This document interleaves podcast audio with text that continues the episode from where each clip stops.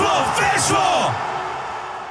Magazyn Lig Egzotycznych na antenie Weszło FM. Adam Kotleszka, dzień dobry. Jak co piątek e, zabieramy Was e, w odległe miejsca, w bardzo dziwne często miejsca. Natomiast dzisiaj akurat ten wstęp mógłbym wyrzucić do kosza, ponieważ nie zabierzemy Was wcale tak daleko od Polski. Wręcz przeciwnie, bo wybierzemy się do wschodnich Niemiec. Jeżeli ktoś teraz się zastanawia, jak to w magazynie Lig Egzotycznych Niemcy, a no tak to, bo przeniesiemy się trochę w czasie. Porozmawiamy dzisiaj o piłce nożnej w byłej NRD tak, tak, nie przysłyszeliście się.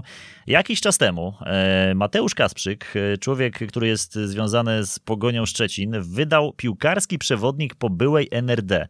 E, ja wam muszę powiedzieć szczerze, że jak zobaczyłem coś takiego, to, to oczy mi się od razu zapaliły i, i strasznie się zajarałem, takim, że ktoś podjął tak niszową tematykę. Natomiast no, miałem to szczęście, że Mateusza nawet poznałem kiedyś na żywo i mam to szczęście, że dzisiaj go goszczę w audycji. Witaj Mateusz. Witam, dzień dobry. Mateusz, to y, tak jeszcze kulisy trochę zdradźmy.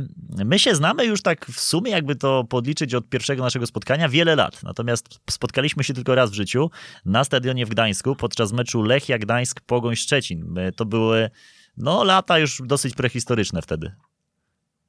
Tak, no mieliśmy dość długą przerwę w życiorysie, można powiedzieć, aczkolwiek faktycznie, e, faktycznie kiedyś się już spotkaliśmy, no to było wtedy przeraźliwe zimno.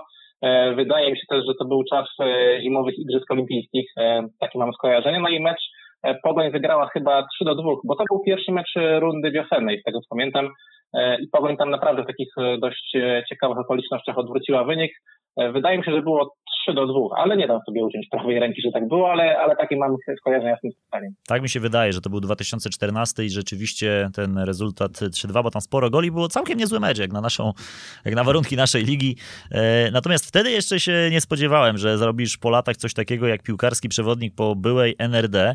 E, no to muszę cię najpierw zapytać, tak jak pytam właściwie większość moich gości tutaj, skąd się wziął mhm. pomysł? Skąd w ogóle pomysł na to, żeby zrobić coś tak nieoczywistego? No, tak jak mówiłeś, ja mieszkam w Szczecinie i w sumie z mojego osiedla jest tak naprawdę bliżej do granicy niż do centrum miasta. Poza tym mieszkam na 12 piętrze i jedną z pierwszych rzeczy, jakie widzę każdego dnia, to są farmy wiatrowe już po niemieckiej stronie. Także dla mnie gdzieś od momentu, kiedy zrobiłem prawo jazdy, czyli mniej więcej od dekady, no to była NRD była takim naturalnym kierunkiem do odkrywania. E, też inna sprawa, że na wszystkie mecze jednej z grup dziesiątej ligi przy granicy, no to jestem w stanie dotrzeć e, na rowerze i to są takie wycieczki mocno rekreacyjne. E, a najdalsze zakątki były NRD, to też jestem w stanie zamknąć w trakcie takiej e, jednodniowej wycieczki samochodem. Natomiast sam pomysł na stworzenie tego przewodnika urodził się w mojej głowie mniej więcej rok temu w trakcie takiego no, głębokiego lockdownu, który wszyscy pamiętamy. Wyjazdy były niemożliwe, więc stwierdziłem, że być może to jest taki dobry moment, żeby po pierwsze jakoś e, uporządkować te wszystkie materiały, które zebrałem przez tyle lat, e, a po drugie jakoś e, kreatywnie wykorzystać ten czas przymusowego zamknięcia, no żeby nie przesiedzieć go na kanapie przed telewizorem i, i za jakiś czas nie uznać, że, że ten moment lockdownu to był taki okres zupełnie zmarnowany. Natomiast no, była NRD pozwala mi łączyć te wszystkie moje zainteresowania w jedną całość. Wiadomo, że piłka jest tylko pretekstem, a ja interesuję się też historią, geopolityką, geografią, E, no i też interesują mnie same relacje polsko-niemieckie. E, a trzeba pamiętać, że większość klubów przy samej granicy, e, w tych klubach gra tak naprawdę masa Polaków, ponieważ miejscowe społeczeństwo jest no, mocno takie podstarzałe, brzydko mówiąc, ponieważ młodzi już dawno wyjechali na zachód w poszukiwaniu lepszych perspektyw. No i brakuje kandydatów do gry, także niektóre kluby padły, a inne uratowali Polacy. Na przykład jest taki słynny klub na Dręze, gdzie grają tylko i wyłącznie nasi rodacy i jest nawet e, polski trener, a na przykład o awans do czwartej ligi e, walczy drużyna Torgelow, gdzie spokojnie ponad połowa składu to są, to są Polacy. Także no to jest taka super lekcja e, w postaci futbolu o wiedzy o społeczeństwie. No i na to pogranicze, z tego co wiem, przyjeżdżali nawet studenci z Hamburga, żeby zbadać to, co się tutaj dzieje, więc dlatego właśnie ten przewodnik powstał. E, świetna inicjatywa, mega, mega hołduję. Powiedziałeś o tym, że piłka nożna to tylko pretekst i, i tak jest właśnie w tym magazynie, że zazwyczaj piłka nożna to jest tylko pretekst, żeby pogadać sobie o, o danym kraju albo danym regionie. No dzisiaj NRD.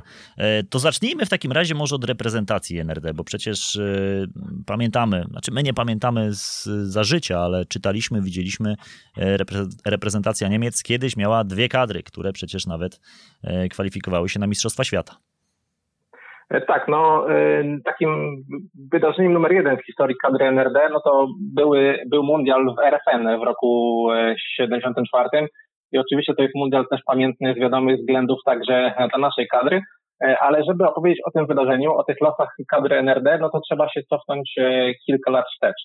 Mm, od początku istnienia NRD było wiadomo, że sport będzie odgrywał w nim no, dość istotną rolę. Wiadomo, że dobre wyniki sportowe budują morale narodu, e, a w przypadku NRD było to bardzo istotne, e, żeby kupić czymś to społeczeństwo, które wiadomo, że najchętniej uciekłoby do Niemiec zachodnich. E, I na początku, zgodnie z taką ideologią socjalistyczną, tworzono wielkie kołchozy sportowe, które pod jednym szyldem gromadziły sportowców z wielu dyscyplin. Coś jak dzisiaj kluby wielosekcyjne. No i w sumie to nie jest jakoś nic dziwnego. Natomiast w NRD zdarzało się, że niektórzy szli o krok dalej, no i wszyscy sportowcy trenowali według jednego planu treningowego. To jest y, dość absurdalne, szczególnie jeśli dzisiaj spojrzymy na to z takiej perspektywy y, analizy treningowej. No i propagandowo wiadomo, to się sprzedawało całkiem nieźle, ale pojawił się kłopot, gdy piłkarze występowali na przykład y, w europejskich pucharach. No i wtedy wyniki okazywały się dość takie przeciętne. Wiadomo, że w lekkiej atletyce ewentualne braki można było nadrabiać e, no, tym słynnym szprycowaniem zawodników. Natomiast w futbolu no, takiej drogi może na szczęście albo nie na taką skalę nie dało się obrać.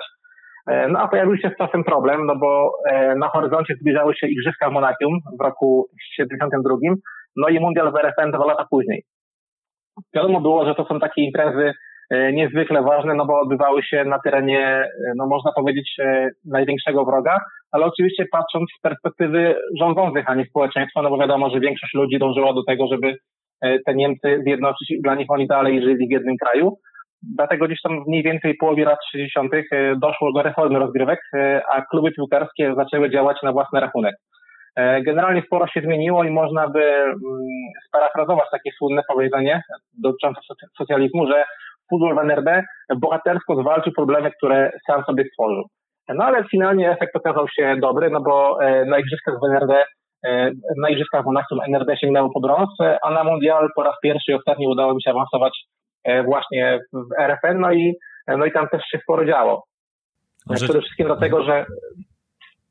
Proszę, proszę. Dlatego, przede wszystkim do tego, że NRD trafiło do grupy z RFN, gdzie doszło do pierwszego i ostatniego meczu pomiędzy tymi drużynami. E, no i spotkanie wykończyło się wtedy takim e, sensacyjnym triumfem 1-0 dla NRD. E, no i jak nie trudno się domyślić, taki mecz miał mnóstwo podtekstów.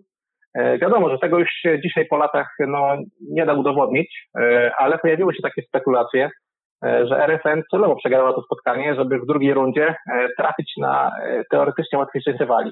I tutaj pojawia się też wątek Polski, bo gdyby RFN zgodnie z takim planem i założeniami wygrała z NRD, to do polskiej grupy obok Szwecji i Jugosławii trafiłoby właśnie NRD. I wtedy, jak wiadomo, no, nie byłoby tego słynnego meczu na wodzie i z taką myślę dość, dość dużą dozą prawdopodobieństwa można by założyć, że Polacy zameldowaliby się w finale. E, a tak NRD dzięki wygranej e, trafiła do grupy śmierci z Brazylią, Holandią i Argentyną.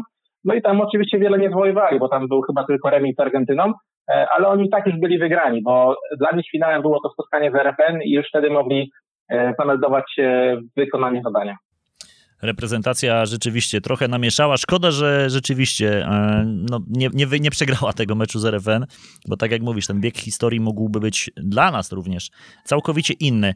E, najbardziej utytułowaną drużyną klubową jednak w NRD jest drużyna o nazwie BFC Dynamo. Mhm. To jeszcze bym się wrócić e, przed tym Dynamo do, do kilku słów jeszcze o kibicach i piłkarzach tego mundialu RFN. Myślę, Śmiało. że to jest dość, dość ciekawe ponieważ e, no, dla, ten mundial w RFN to była wielka operacja e, dla Stasi, czyli dla tych słynnych służb bezpieczeństwa, bo wiadomo, że zachodnie Niemcy dla tych nerdowców e, były taką ziemią obiecaną i istniała taka dość poważna obawa, że masa osób skorzysta z okazji no i już nie wróci do kraju. Zawodnikom, jeśli chodzi o przygotowania, niczego nie brakowało, ale mieli przydzielonego cały czas wykłon ze Sztazji oraz zostali skoszerowani w hotelu w Hamburgu, do którego był taki dość no, dostęp ograniczony i co ciekawe, ci piłkarze nie mieli nawet w tych pokojach telewizorów. Jeśli chodzi o jakieś tam ewentualne atrakcje, E, to tak naprawdę pozwolono im skorzystać tylko raz chyba tam z uciek tej słynnej dzielnicy St. Pauli. Natomiast jeszcze ciekawsza sprawa była, jeśli chodzi o kibiców, bo wytypowano e, około 1500 osób, e, które wyjechały na turniej. Oczywiście większość z tych osób była zaufana i należała do partii albo jakichś organizacji młodzieżowych, ale głównym kryterium było to, żeby z danej rodziny jechała tylko jedna osoba. E, oczywistym było, że w takim przypadku e, pokusa ucieczki będzie mniejsza, bo przykładowo głowa rodziny zostawiłaby w NRD żonę i dzieci, e, no co wiązałoby się z taką rozłąką oraz rozłąką na zawsze oraz szykanami w stosunku do, do najbliższych. Aparat opresji w NRD był naprawdę, no, w cudzysłowie, imponujący, nawet jak na warunki bloku wschodniego. No i generalnie kibice dopingowali swoją kadrę, natomiast też było kilka incydentów, na przykład spalono flagę NRD, E, albo odnotowano, że kibice w e, NRD podczas tego meczu z RFN, czy niektórzy z nich e, bardziej dopingowali Niemców, Niemców z zachodu i po meczu mówili, że, że nasi przegrali. To było takie dość perspektywy politycznej bardzo niewygodne dla Stasi, no bo przecież to NRD było tym rajem w cudzysłowie i krajem, któremu, który należało wspierać. To prawda. E, jako, że magazyn Lig Egzotycznych, to pogadajmy teraz trochę właśnie o tej ligowej piłce. Ja już wywołałem trochę do tablicy tę mhm. ekipę najbardziej utytułowaną w NRD. E, tak, no BSC Dynamo, czyli klub stołeczny, e, sięgnęło po tytuł mistrzowski 10 razy z rzędu, więc siłą rzeczy jest klubem najbardziej utytułowanym w historii NRD. No, to klub, który był przede wszystkim oczkiem w głowie szefa Stasi, Ericha Mielke, który był człowiekiem z jednej strony bezwzględnym, ale z drugiej e, no, bardzo konsekwentnym, ponieważ e, Dynamo zaczęło na dobre dostawać karty w enerdowskim futbolu dopiero w latach 80., czyli już tak naprawdę e, u schyłku NRD, a pierwsze próby zbudowania silnego klubu zaczęły się już w latach 50., kiedy tak naprawdę na żywca przeniesiono do Berlina cały zespół Dynama Drezno, które w tamtym czasie było takim topowym klubem w Niemczech. No jak widać w NRD piłka była sterowana przez państwo i tak naprawdę no, można było sobie pozwolić na takie numery, które w żadnym innym kraju by nie przeszły. Natomiast ten manewr, mimo że wydawał się takim posunięciem idealnym, no nie zdał egzaminu, bo, bo Dynamo to stołeczne przez lata nie było w stanie nawiązać e, walki o bycie takim najlepszym klubem w Niemczech. Nawet e, w samej stolicy było w cieniu e, klubu wojskowego, czyli Vorwärts, ale Mielke, czyli ten szef Stasi, bardzo konsekwentnie dążył do swojego celu i nie dość, że udało mu się z czasem załatwić przeniesienie tego e, rywala wojskowego do Frankfurtu, e, to nareszcie też Dynamo zaczęło rozdawać e, karty w lidze. No to był klub, jak się nie trudno domyślić, powszechnie znienawidzony przez NRD, przez ludzi w NRD, powiązany ze Stasi i no, nikt jakby nie miał wątpliwości, że Dynamo nie gra czysto i, i ma w swojej kieszeni sędziów. No moim zdaniem, nie tylko moim, e, prawda leży mniej więcej po środku, bo, bo sędziowie faktycznie potrafili pomóc y, i te mecze przeciągać nieskończoność, no, albo na przykład podyktować rzut karny z kapelusza. E, była nawet taka jedenastka, którą e, potem tak historycznie nazywano karnym wstydu, bo ona w takim rozrachunku ostatecznym spowodowała, że Dynamo skończyło ligę przed Lokomotiv Lipsk.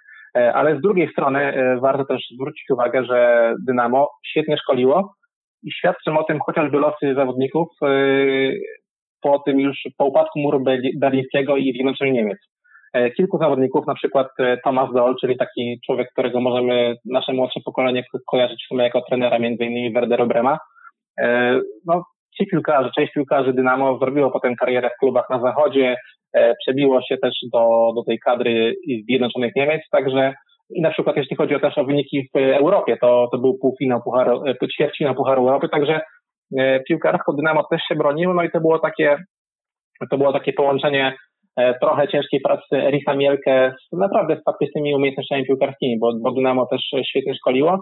Natomiast co do samego tego szefa sztabu, to też warto dodać, że to był człowiek absolutnie bezwzględny, ponieważ gdy jeden z piłkarzy, Lutz Eigendorf, w czasie sparingu z Kaiserslautern bodajże, E, uciekł na zachód, no to jakiś czas później e, zginął w wypadku samochodowym, no i po latach okazało się, że stał za tym właśnie Mielke, który który ten wypadek upozorował i też były tam takie szczegóły, że ten piłkarz Eigendorf tak naprawdę w ogóle nie pił alkoholu, a w czasie wypadku zbadano, że, że był pod jego wpływem, także to też świadczyło o tym, że że tutaj sztabie działało, no i Mielke był takim człowiekiem, który absolutnie nie wybaczał zdrady, absolutnie nie wybaczał ucieczki i być może dzięki temu przede wszystkim Dynamo było w stanie osiągać e, tak spektakularne wyniki.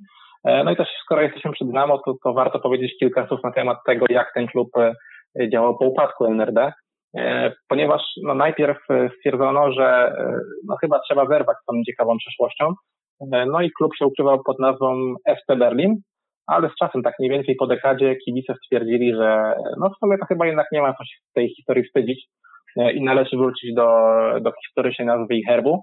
E, ale pojawił się problem, bo okazało się tak mniej więcej po dekadzie, że w czasie tego chaosu e, w trakcie zjednoczenia klub stracił prawo do swojego logo, który przejął słynny handlarz pamiątkami, który był na co dzień kibicem Herty Berlin.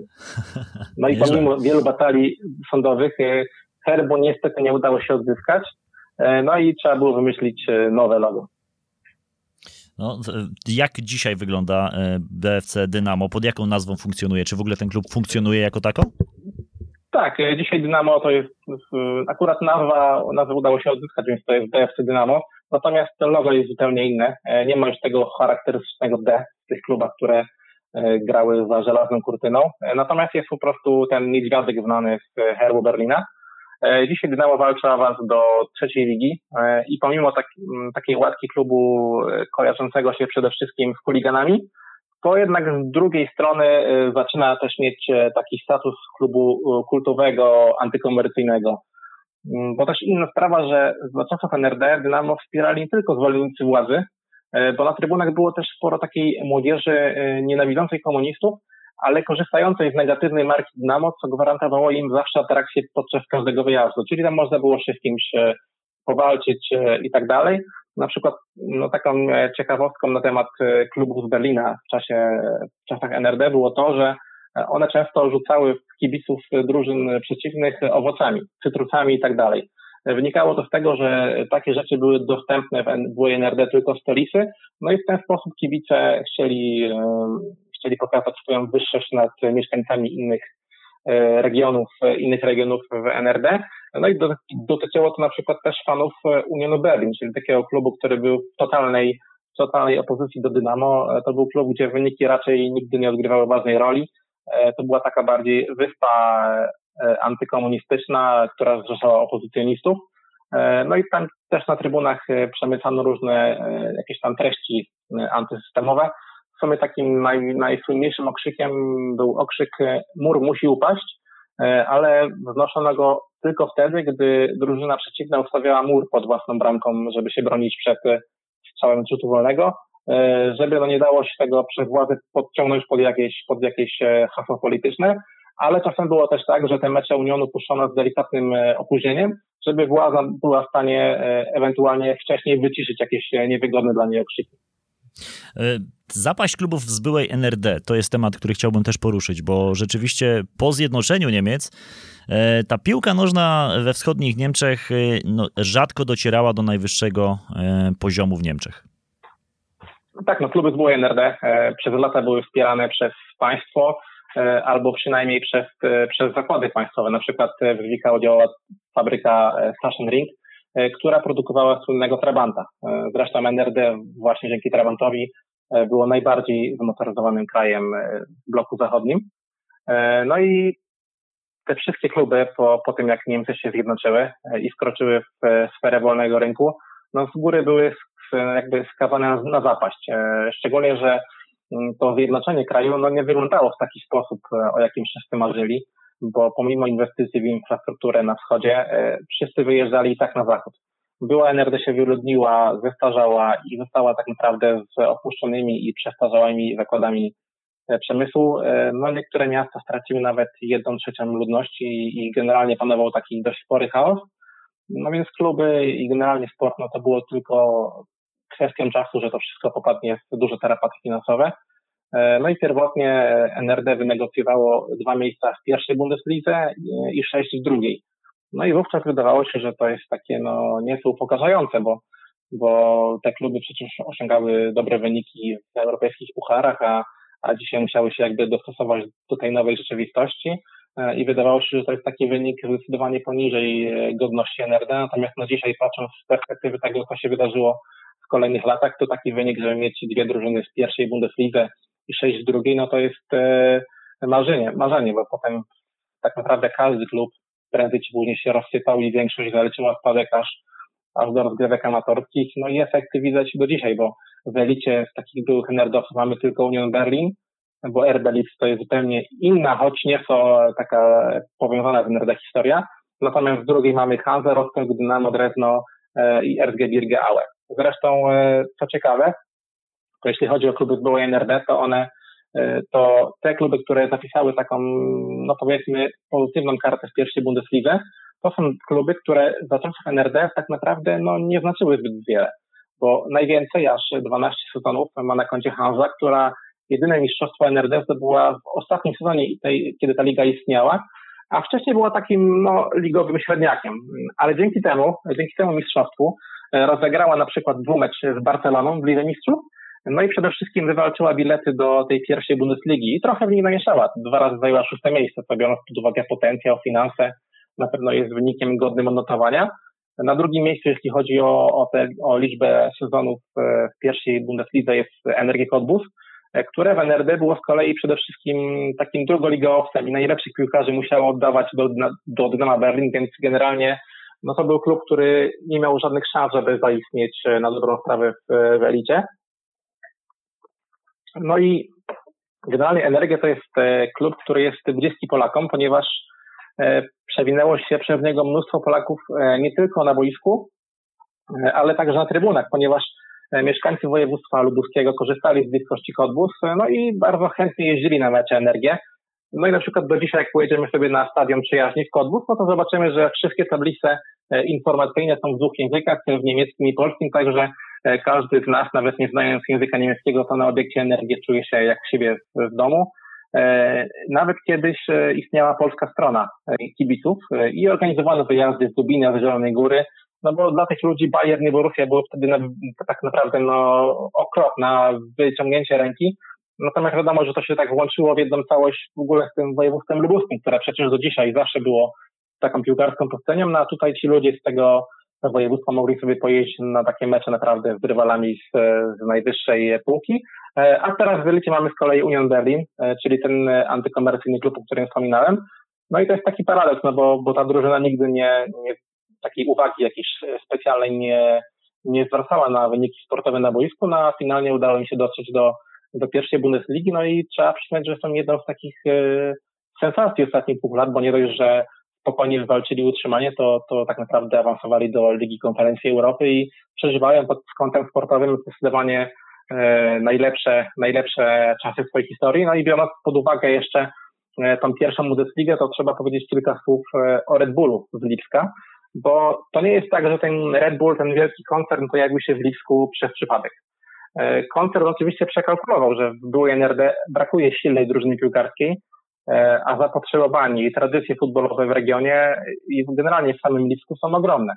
Przecież VfB Lipsk było pierwszym mistrzem Niemiec, natomiast Chemie i Lokomotive w NRD były e, klubami bardzo popularnymi. Teraz grają w czwartej lidze i kojarzę się przede wszystkim z kibicami, tak mówiąc delikatnie, e, poszukującymi mocniejszych wrażeń, więc no, było spore pole do popisu i tysiące takich zwykłych, niedzielnych kibiców piłkarskich do, do zagospodarowania, i czekających na ofertę klubu grającego najwyższe cele. E, no i też ważnym elementem była infrastruktura, bo, bo Lipsk jako jedyne miasto z byłej NRD e, organizował, współorganizował mundial w roku 2006, e, no i dzięki temu miał duży, miał i ma duży i nowoczesny obiekt. No i dla koncernu no, nie było chyba lepszego miejsca w całej Europie, żeby zbudować duży klub od podstaw, więc pośrednio RB ma też jakieś swoje korzenie w NRD, no bo jest taki, taki trochę, takim trochę efektem ubocznym ich potem historii takiej geopolitycznej. No, wspominałeś o tym Kodbus, powinniśmy raczej mówić Chociebusz, bo ta polska tak. nazwa rzeczywiście funkcjonuje e, cały czas, natomiast e, no, to o czym powiedziałeś też, że te kluby jednak z byłego NRD nie znaczą nic na mapie niemieckiej piłki. Jeden klub, o którym chciałbym powiedzieć, FC Magdeburg, właściwie ty mi zaraz o nim opowiesz. Jeżeli chodzi o europejskie puchary, to, to jest ekipa, która rzeczywiście zdobyła najwięcej, jeżeli chodzi o kluby z byłego NRD. E, tak, to jest klub, który w, sezonie 73-74 sięgnął po puchar zdobywców pucharów. No i jest to bez wątpienia największy sukces w historii nerdowskiej piłki klubowej, no bo to jest jedyny europejski puchar, który został wygrany przez klub były NRD. E, jest to o tyle ciekawe, że FC Magdeburg zrobił to mając w składzie tylko zawodników w miasta i okolic, jeśli dobrze pamiętam, jest to jedyny klub obok e, Celticu Glasgow, który dokonał czegoś takiego. To są jedyne dwa kluby w historii, które zdobyły e, jakieś europejskie trofeum, mając w składzie tylko i wyłącznie piłkarzy z, e, z miasta i okolic.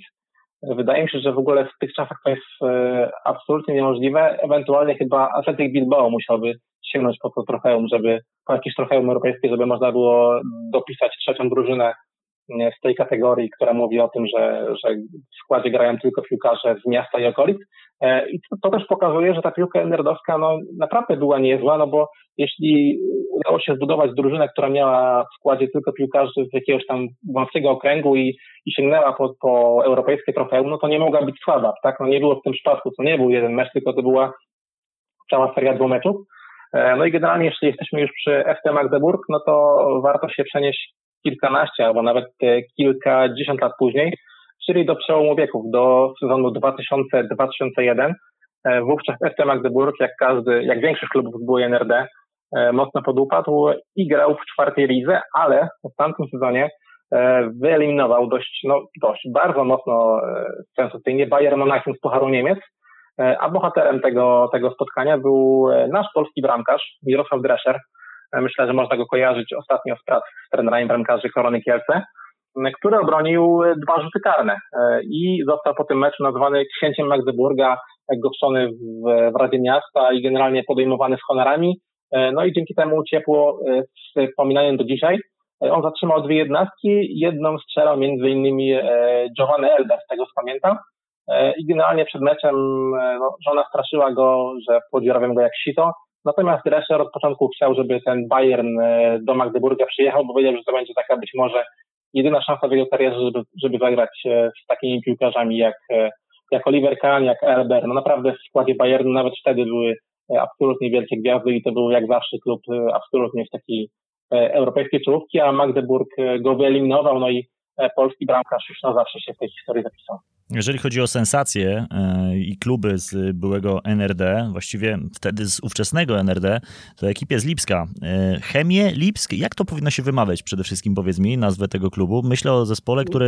No 60... Myślę, że w Polsce można mówić Chemie, natomiast wiem, że Niemcy miałem Szemie. E, Szem, no właśnie. No tak. to, to, to Szemie Lipsk to też jest bardzo ciekawy przypadek klubu, który w 64 zdobył Mistrzostwo NRD.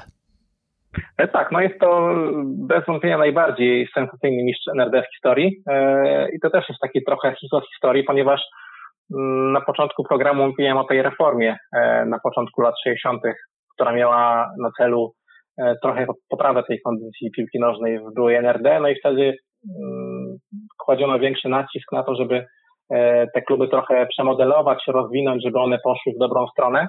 E, no i stwierdzono, że w Lipsku, gdzie były dwa takie kluby niezłe, ale, ale takie ligowe średniaki, e, trzeba zrobić jeden solidny, który będzie walczył o najwyższe cele, no i stwierdzono, że będzie to ST Lipsk, które potem zostało przemianowane na lokomotywę e, i jak nie trudno się domyślić, miało wsparcie kolei państwowych. Natomiast chemię zdegradowano do takiej drużyny, brzydko mówiąc, odpadów. Tam mieli grać piłkarze, którzy no, są zbyt, zbyt słabi na granie w lokomotywę, i tam no, podjęto taką decyzję, że tam się ich poupycha i oni będą sobie tam spokojnie grali i pewnie wpadną z ligi, no i problem sam się rozwiąże, natomiast Lokomotivem będzie takim klubem potentatem, no ale ci zawodnicy, którzy zostali oddelegowani do tej słabszej drużyny teoretycznie, poczuli się upokorzeni i na tyle zmotywowani, e, że wtedy no, sięgnęli po mistrzostwo NRD, co było absolutną absolutną sensacją, bo oni przecież byli tymi zawodnikami teoretycznie słabszymi, skazanymi na, na spadek z ligi. Tymczasem no, był tam taki trener, była grupa takich zawodników, którzy no, stwierdzili, że to upokorzenie trzeba przekuć na, na jakiś sukces i udowodnić, że, że ta selekcja była niewłaściwa, no i wtedy udało mi się sięgnąć po ten mistrzowski tytuł. Wiadomo, że w dłuższej perspektywie to już potem wszystko było zgodnie z planem, tak? Czyli chemie było takim ligowym słabeuszem, potem grało nawet w drugiej lidze, natomiast Lokomotywę grało najwyższe cele. I Lokomotywa jest klubem, który jest e, najwyżej sklasyfikowanym w tabeli wszechczasów, chyba na trzecim miejscu, e, ale co ciekawe, nigdy nie sięgnęło po mistrzostwo. Była, było wicemistrzem, zajmowało trzecie miejsce, e, nawet świetnie sobie radziło w europejskich pucharach, ale nigdy mm, potem tytuł nie sięgnęło, no i mówi się, że to jest taki trochę też mm, zemsta historii za tam, za tam historię z Chemię, które mimo tego, że było skazane na tą taką wieczną porażkę, to ten jeden wielki, spektakularny sukces w swojej historii osiągnęło. E, jeżeli chodzi o e, sukcesy, no to 71-72 ten sezon w Pucharze UEFA, mecz z PSW Eindhoven, to może nie był sukcesem, bo tam doszło do jednak przedziwnej sytuacji, która sprawiła, że nie doszło do meczu rewanżowego. Tak, akurat tutaj mamy do, do czynienia z innym klubem, który finansował, finansował zakłady chemiczne, czyli z Chemie Hale. Dzisiaj to jest Haleszer FC. E, no i drużyna w Hale w pierwszym meczu wylosowała w ogóle w, pierwszej rundzie Puchar UEFA słynny klub PSO Eindhoven. E, w pierwszym meczu w NRD było 0-0, więc wiadomo, że to był taki wynik, który szczególnie w tamtych czasach otwierał szansę na, na dobry wynik na wyjeździe. E, no ale do rewanżu niestety nie doszło, bo, bo dzień przed meczem spłonął hotel, w którym przebywali piłkarze w Hale, no i niestety jeden z zawodników zginął, a inny, dokładnie Klaus Urbańczyk, ryzykując swoje życie, E, uratował kilku gości, no ale te obrażenia odniesione w trakcie akcji ratunkowej były tak poważne, że on musiał niestety karierę zakończyć e, wcześniej niż by chciał. No i to jest takie zdecydowanie najtragiczniejsze wydarzenie nie tylko w historii samego klubu, ale też jedno z bardziej tragicznych w historii w ogóle e, nerdowskiej piłki nożnej. No i w roku 2006 rozegrano sparring pomiędzy tymi drużynami, który był takim nieoficjalnym rewanżem E, za tamten e, mecz, którego się nie udało rozegrać, no i taką okazją do, do upamiętnienia piłkarzy, którzy wtedy się zasłużyli e, w tym hotelu w trochę inny sposób niż, niż na co dzień na boisku. Masz informację, czy tam to spłonięcie tego hotelu było totalnie przypadkowe, czy ktoś mógł maczać przy tym palce? Doszedłeś do takich informacji? No, wydaje mi się, że to był jednak, że to było jakieś tam e, zaproszenie ognia i, i chyba z tego, co czytałem, nie, nikt się tam nie doszukiwał drugiego dna. To nie był też taki mecz, który e, gdzieś budowałby takie emocje i zmuszał do takich działań. E, także no, był to raczej nieszczęśliwy wypadek. Wiesz, bo pytam tak jak opowiadałeś o, o tej sytuacji, kiedy zawodnikowi upozorowano wypadek, w dodatku jeszcze pod mhm. wpływem alkoholu, no to niestety takie pytanie jest zasadne. Smutne to, ale no, niestety taka jest prawda. Tak, ale tutaj mieliśmy do czynienia jednak z klubem znacznie nierenomowanym, bez takiego wsparcia, grającym na wyjeździe, z klubem też e, PSV, no to wiadomo, że zawsze była marka. To był tylko puchar, tylko Jasz, ale to był puchar UEFA i i raczej no, nikt by się nie posunął do takich kroków, e, żeby podpalać hotel, szczególnie, że PSV pewnie by ten rewanż spokojnie u siebie wygrał. E, późniejsze lata też przynosiły ciekawe akcje, ciekawe wydarzenia związane z drużynami z byłego NRD, bo Lokomotiva Lipsk nie tak dawno, bo jeszcze w czasach pandemii też właściwie kibice tej chyba drużyny, bo oni to zainicjowali, wpadli na no niecodzienny pomysł. E, tak, no generalnie wiadomo, że pandemia e, dała się znaki nam wszystkim, no i też siłą rzeczy przetrzebiła budżety klubów, szczególnie takich czwartoligowych, gdzie tak naprawdę nawet w takiej codzienności przedpandemicznej było trudno związać koniec z końcem. No więc stwierdzono, że e, trzeba jakoś ten budżet uratować, no i klub taką akcję zorganizował, że zagra z niewidzialnym przeciwnikiem. No i finalnie okazało się, że udało się sprzedać aż 180 tysięcy biletów na takie spotkanie. E, no i zorganizowane transmisje na YouTubie z pełnym komentarzem, wywiadami. E, były też takie stawki z boiska, gdzie piłkarze e, grali z duchami, przeprowadzali akcje i strzelali bramki. Tam bodajże chyba było, wynik był ktoś około 4-5 do 0. I był nawet taki moment, gdzie uchwycono kibiców gdzieś tam za obiektem, którzy odpali raz, także to było takie super opakowane wydarzenie, które się odbiło bardzo szerokim echem. A celem było pierwotnie z tego, co pamiętam, pobicie rekordu frekwencji z półfinału Pucharu, zdobywców Pucharów z Bordeaux, kiedy na obiekt blisku przyszło 120 tysięcy kibiców, jakoś tak to było. No i cel udało się zrealizować, udało się zrobić pieniądze. No i też Lokomotiva udało się troszeczkę ten swój wizerunek poprawić, bo to jest też klub, który się kojarzy raczej e, z chuliganami, takimi no, nieciekawymi akcjami.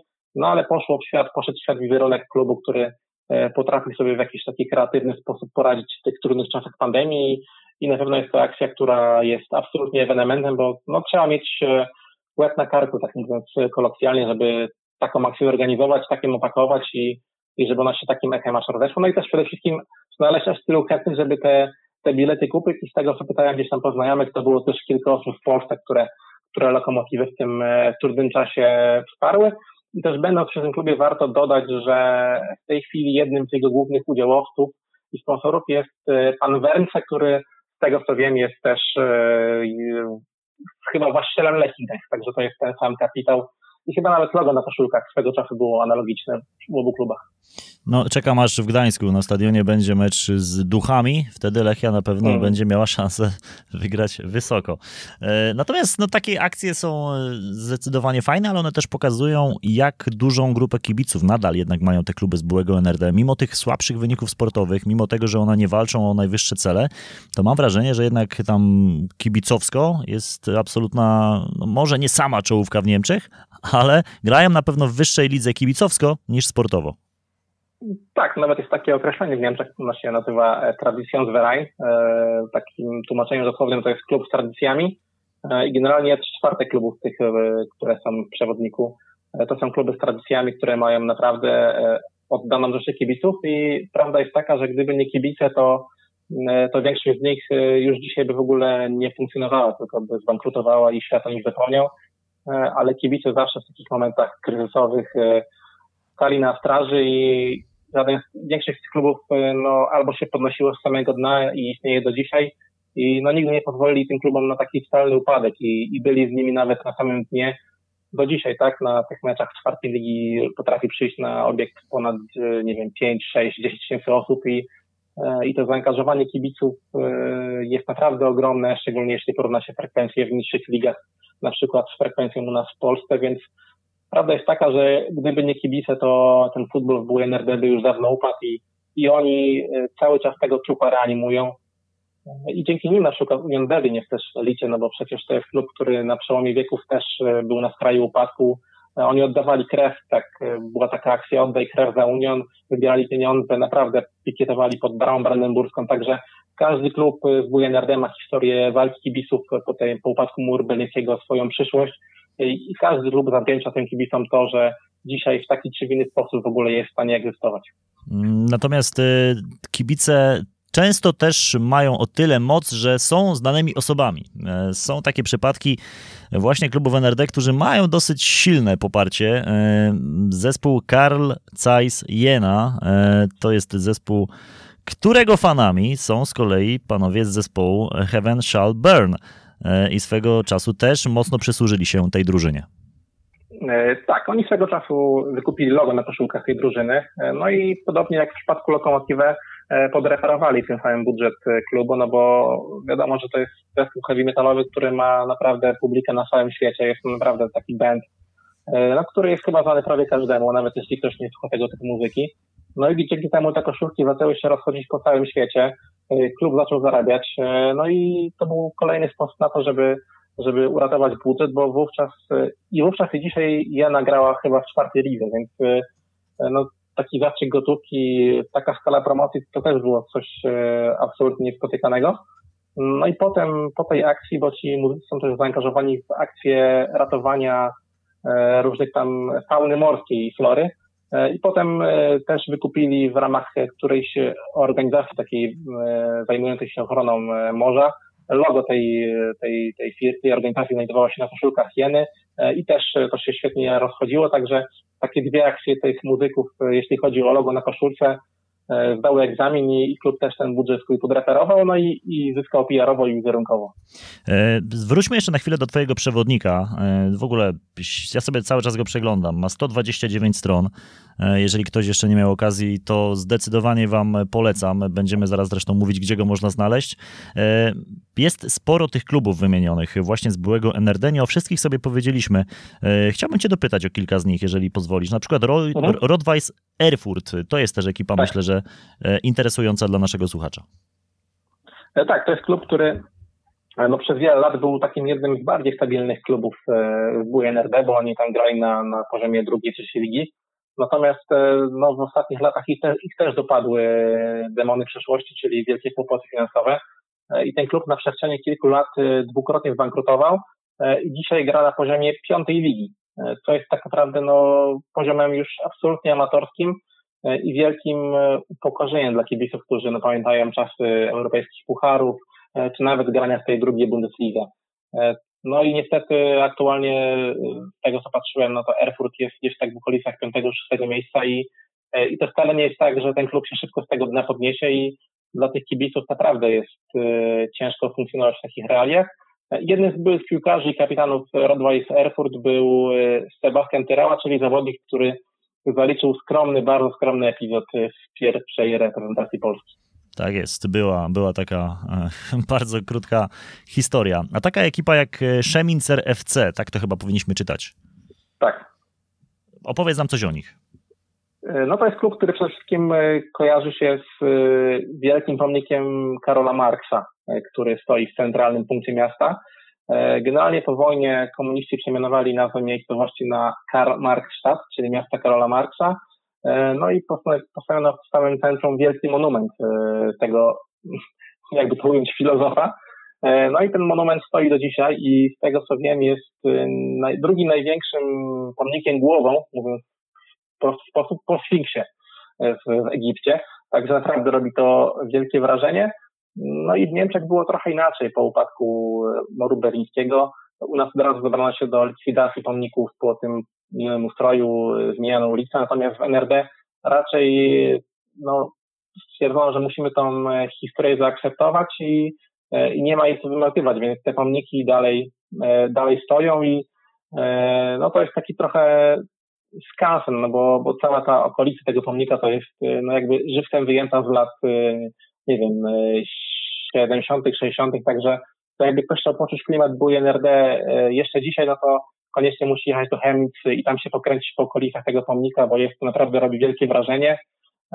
I no, możemy, wiadomo, że to był ustrój absolutnie słusznie miliony, ale mimo wszystko z takiego e, historycznego punktu widzenia warto tam pojechać i warto to zobaczyć. Taka drużyna jak VSV Cwikał, o nich chciałbym też trochę, żebyś nam opowiedział. To jest drużyna, która pochodzi już, e, mówiłem o tym wcześniej, z miasta Trabanta i tak naprawdę właśnie e, Trabantowi zawdzięcza swój e, główny rozwój, bo fabryka Fashion Inc., czyli fabryka tych Trabantów była przez wiele lat głównym sponsorem tego klubu. Natomiast to był taki ligowy średniak, który raczej nigdy wielkich sukcesów nie osiągnął. To była drużyna taka spokojnego środka tabeli, która no niczym specjalnym się nie zapisała, natomiast no, była pierwszą drużyną bodajże, która miała w nazwie bezpośrednio nazwę sponsora, czyli tej firmy Fashion Ring, która wyprodukowała chyba 3 miliony trabantów. I dzięki temu, tak jak mówiłem, to był najbardziej zmotoryzowany kraj za żelazną kurtyną, a te trabanty jeździły jeszcze długo po upadku NRD, bodajże były gdzieś tam eksportowane do, do Afryki. W Twoim przewodniku znajduje się też tak zwana część publicystyczna. Powiedz nam kilka słów o tym rozdziale. Są tak naprawdę dwie części publicystyczna, jedna przed tą częścią główną i druga po tej części głównej. E, pierwsza dotyczy raczej takich tekstów e, na temat e, klubów z tych wyższych lig, czyli Hansa Rostock, Dynamo Drewno, bo akurat miałem takie szczęście, że publikacja mojego przewodnika złożyła się w czasie z awansem tych dwóch wielkich klubów do drugiej Bundesligi, więc no, z mojej perspektywy trudno było mi sobie wyobrazić lepszy moment na, na tą publikację przewodnika, bo awans tych dwóch y, klubów na pewno no, sprawił, że to zainteresowanie zarówno nimi, jak i Bundesligą drugą stało się większe. Natomiast y, część ta po, po tej części głównej dotyczy raczej klubów z niższych lig. Tutaj przygranicznych jest raczej takim efektem moich bliższych podróży. Jest tam między innymi artykuł o Nadrenze, czyli o tym klubie, gdzie grają tylko i wyłącznie Polacy, którzy uratowali go tak naprawdę dekadę temu od upadku, no bo w tej miejscowości położonej z perspektywy Niemców naprawdę na samym końcu świata nie było już nikogo, kto by chciał grać w tej drużynie. No i Polacy się wścieknęli, ten klub reaktywowali, no i naprawdę do momentu pandemii radzili sobie całkiem nieźle. E, jest też trochę jakichś tam wątków e, kulturowych, jak serbołużycanie, które są, którzy są taką mniejszością słowiańską, która przez wiele setek lat e, trwa w tych wschodnich Niemczech. Jest też wywiad z piłkarzem Magdeburga, Adrianem Małochowskim, który jest takim enerdowskim rodzynkiem aktualnie w tych wyższych ligach obok dwójki z Unionu. Także myślę, że e, każdy tam znajdzie coś dla siebie, zarówno jeśli chodzi o te kluby z samego topu, jak i osoby, które interesuje bardziej jakiś taki wątek e, bardziej regionalny. A czy ty masz jakieś ulubione miejsce w byłej NRD, związane oczywiście z piłką nożną, do którego się wybrałeś podczas tych swoich podróży? Ja bardzo lubię Drezno, e, lubię klimat starówki tego, tego miasta, lubię też bardzo klimat samego stadionu. To jest takie miasto z, z duszą. Nie potrafię tego dokładnie opisać, ale E, no tam jest coś, co, co tak zawsze mnie przyciąga i powoduje, że czuję się tam zupełnie inaczej niż, niż e, w innym miejscu, nie wiem, Niemiec czy w ogóle Europy. E, super klimat jest na obiekcie Unionu Berlin. To jest absolutnie coś niespotykanego w skali Europy. No i też lubię bardzo wybrzeże. Bałtyk niemiecki jest taki troszeczkę, mam nadzieję, że się nikt nie obrazi, ale no mniej przaśny niż ten polski, polskie wybrzeże i E, jeśli już wypoczywam nad Bałtykiem, to lubię pojechać właśnie na wyspę Uznam, czy gdzieś tam bliżej Rostoku, na Rugie. E, to są super miejsca krajobrazowe, jest troszeczkę mniej ludzi, jest trochę inaczej zagospodarowane, także zupełnie inna perspektywa na Bałtyk. A jeżeli chodzi o stadion e, w byłej NRD, który na tobie robi największe wrażenie? Myślę, że może nie sam obiekt, ale, ale tak jak mówiłem, ten klimat Unionu Berlin to jest coś no, nie do opisania. Myślę, że każdy musi to poczuć. Nie jest to łatwe, bo, bo generalnie obiekt Unionu jest jednym z e, najtrudniej dostępnych w ogóle w Europie, bo miejsc na obiekcie jest dwa razy mniej niż członków e, płacących składki, więc w ogóle e, nawet członkowie, którzy regularnie płacą składki, biorą udział w zebraniach, oni i tak nie są pewni wejścia na obiekt, bo cały czas tam jakieś jest losowanie e, i tak dalej sensie chętnych jest zawsze dwa, trzy razy więcej niż w ogóle miejsc na obiekcie, więc dostać się na, na ten obiekt Unionu to jest super sprawa, ale naprawdę warto, bo, bo jest to coś no, niespotykanego w skali Europy i wiem, że na przykład na e, derby Berlina, które były nie teraz, ale wcześniej, kilka lat temu na obiekcie Unionu, na czarnym rynku bilety chodziły po 400 euro i, i wiem, że ludzie normalnie je brali i nikt pieniędzy nie dawał. Także chyba to najlepiej świadczy o tym, jaka tam jest atmosfera. A tobie udało się dostać na mecz e, Unionu?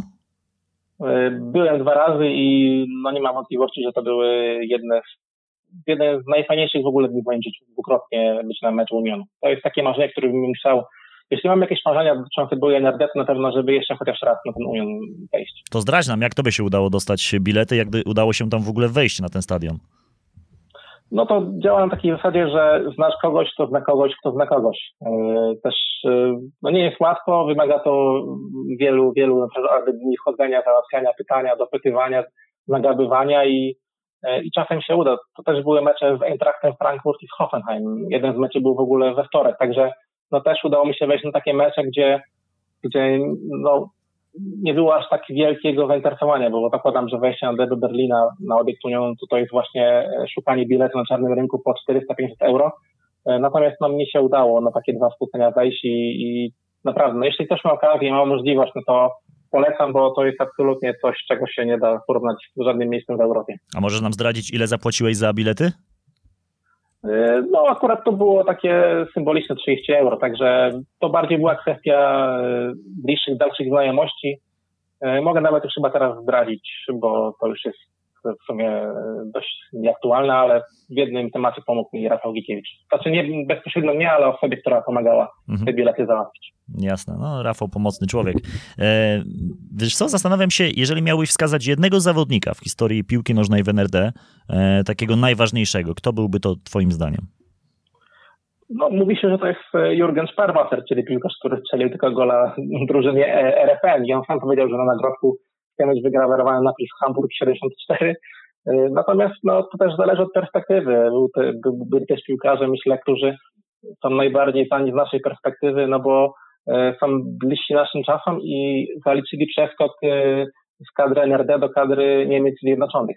Na przykład Matthias Zamer albo Ulf Kirsten. No to są takie nazwiska, które na pewno już ludzie naszego pokolenia bardziej kojarzą. To na pewno. A jakiś trener, który przychodzi Ci do głowy z tamtych regionów?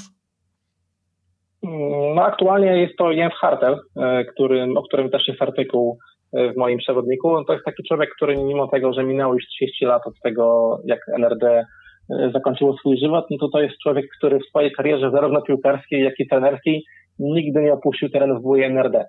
Miał drobny epizod w Berlinerze, a to jest akurat klub, który ma swoją siedzibę w Berlinie Zachodnim, ale generalnie poza tym epizodem zawsze, zawsze był na wschodzie. Był w Magdeburgu, był w Rostoku, był w Poczdamie e, i jako piłkarz też grał tylko na wschodzie, także to jest taki mm, jeden, jeden z ludzi zaangażowanych w to, żeby ten futbol w były NRD reanimować i on najpierw wprowadził Magdeburg do drugiej Bundesligi, teraz zrobił to samo z Także naprawdę to jest człowiek, który ciężko pracuje na to, żeby ten futbol na wschodzie Niemiec e, przynajmniej w jakimś stopniu nawiązał do tego, co się dzieje w reszcie kraju. No właśnie, to odnośnie tych nawiązań i do tego gonienia reszty kraju, który klub według Ciebie ma największe szanse na to, żeby w dłuższej perspektywie kilku, kilkunastu lat e, być e, takim zespołem, który no, będzie jego miejscem Bundesliga na stałe. Ja nie myślę o Lipsku, no bo tak jak sobie powiedzieliśmy, Lipsk jest troszeczkę mhm. jednak e, czymś innym, ale spoza, spoza całej, z całą resztą, jakbyśmy się mieli zmierzyć. No, powiem tak, wydawało mi się kiedyś, że no nie ma szans, żeby Union Berlin był takim klubem, no bo to była drużyna, która była takim etatowym drugoligowcem, tam nawet raczej przesady nikt się ten awans nie nakręcał, no ale trochę mimo mimo wszystkim takim zasadom zdrowego rozsądku ten awans się udało wywalczyć, no i wygląda na to, że ten klub się w tej elicie ustabilizuje, że to nie będzie, że to nie będzie drużyna, która będzie e, walczyła tylko o utrzymanie, bo to jest klub, który może być podobnie jak Augsburg czy Freiburg, takim klubem o niższym budżecie, który jest w stanie e, nawiązać walkę. Natomiast w takiej dłuższej perspektywie, no to biorąc pod uwagę potencjał kibicowski, e, jakieś tam doświadczenie, uporządkowanie spraw finansowych, to wydaje mi się, że Dynamo Drezno i Hansa Rostock są skazane na to, żeby grać w tej elicie. Nie wiem, kiedy to nastąpi, e, ale no, te kluby wiele przecierpiały w tych ostatnich latach, wiele się nauczyły, e, mocno się uporządkowały, zmieniły wiele spraw, no i biorąc pod uwagę, że mają naprawdę absolutnie gigantyczną rzeszę kibiców, no to wydaje mi się, że w perspektywie kilku lat e, no ich miejsce jest docelowo w elicie. Zresztą nawet w Dynamie Drezno jest taki zapis w statucie, bo ten klub zakończył w czasach NRD przygodę z e, europejskimi pucharami na meczach 9 czy 9. I w statucie klubu jest zapis taki, który mówi o tym, że jednym z celów Dynamo Drezno jest rozegranie setnego spotkania w europejskich pucharach i myślę, że wszyscy w tym klubie będą do tego dążyli, żeby to się nawet odbyło w perspektywie tej dekady. No, będziemy obserwować. E, ty też napisałeś nie tak dawno fajnego tweeta e, parę dni temu o tym meczu Hanzy Rostock z Ingolstadt. Wiemy, że w Niemczech obostrzenia są dosyć zaawansowane i albo nie ogląda się z trybun meczów w ogóle, albo jest to zarezerwowane dla wybranego grona osób. I tak też było podczas tego meczu Hanzy z Ingolstadt. E, tak, no generalnie teraz Mecklenburg jest takim landem, który ma jedne z najbardziej e, rygorystycznych zasad wchodzenia na mecze. E, trzeba być albo zaszczepionym, albo ozdrowieńcem. E, więc nie mam mowy o żadnych testach. E, no i pojemność na obiekcie zniwelowana do zaledwie tysiąca miejsc. Biorąc pod uwagę, że karnet na spotkaniach handlowym ma osób 13 tysięcy, no to nie ma żadnych szans, żeby jakoś w sposób sprawiedliwy te bilety rozlosować, rozdysponować. No więc podjęto decyzję, że najbardziej, najlepiej będzie, jeśli te bilety trafią w ręce osób e, po pierwsze walczących z pandemią, takich będących na froncie walki z pandemią jako forma podziękowania, czyli medycy, ratownicy i tak dalej, oraz osób wskazanych przez, przez e, pomoc społeczną jako takich e, najbiedniejszych potrzebujących, które w normalnych warunkach nie miałyby szans na to, żeby na takim mecz wejść i się pojawić, no i e, postanowiono, żeby im taki prezent świąteczny zrobić i dać szansę zobaczenia Hanzy Rostek na żywo. Także no, to też pokazuje, jak działa marketing klubu, jak to się wszystko zmieniło, że to już nie jest taki zapojrzały nerdówek i, i te kluby naprawdę mają jakiś tam pomysł na swoje funkcjonowanie e, i to wszystko zmierza w dobrym kierunku. Nawet takie smaczki pokazują, że w tej trudnej sytuacji można wyjść twarzą, można wymyślić coś kreatywnego, coś, o czym się mówi więcej niż tylko gdzieś tam w Rostoku i okolicach, ale także, jak widać, nawet u nas w Polsce. Mateusz, to już tak y, powolutku zmierzając do końca, y, zareklamuj trochę jeszcze raz. Gdzie można zdobyć piłkarski przewodnik po byłej NRD? Czy to jest w ogóle jeszcze możliwe, żeby zdobyć go fizycznie, czy tylko już zostaje ta wersja digital? No, powiem tak, no, oficjalnie cały nakład się rozszedł, nawet był dodruk jeszcze, bo, bo to zainteresowanie było znacznie większe niż, niż myślałem. Ale jeśli ktoś bardzo by chciał ten przewodnik w wersji fizycznej na podchoinkę, zapraszam do kontaktu ze mną poprzez Twittera, Instagrama. Myślę, że jest mnie dość łatwo znaleźć e, i na pewno jeszcze jakieś jeden, dwa egzemplarze wygospodarujemy. E, I również na moich kanałach na social media jest dostęp do tego przewodnika w formie, w formie online, jest on w PDF-ie, jest on w e, wersji takiej przeglądarkowej na platformie Issue, także myślę, że każdy, kto jest zainteresowany tą publikacją, znajdzie ją w jakiejś wygodnej dla siebie formie i będzie mógł się z nią zapoznać. I tak jak mówię, zachęcam do kontaktu. E, kilka wersji takich odłożonych na czarną godzinę też mam, także pod choinkę jeszcze zdążą dojechać. Mateusz, to rezerwuj jedną dla mnie e, koniecznie, bo, bo muszę to mieć, nie tylko ten, okay. tę wersję przeglądarkową, bo to jest rzeczywiście kawał dobrej roboty.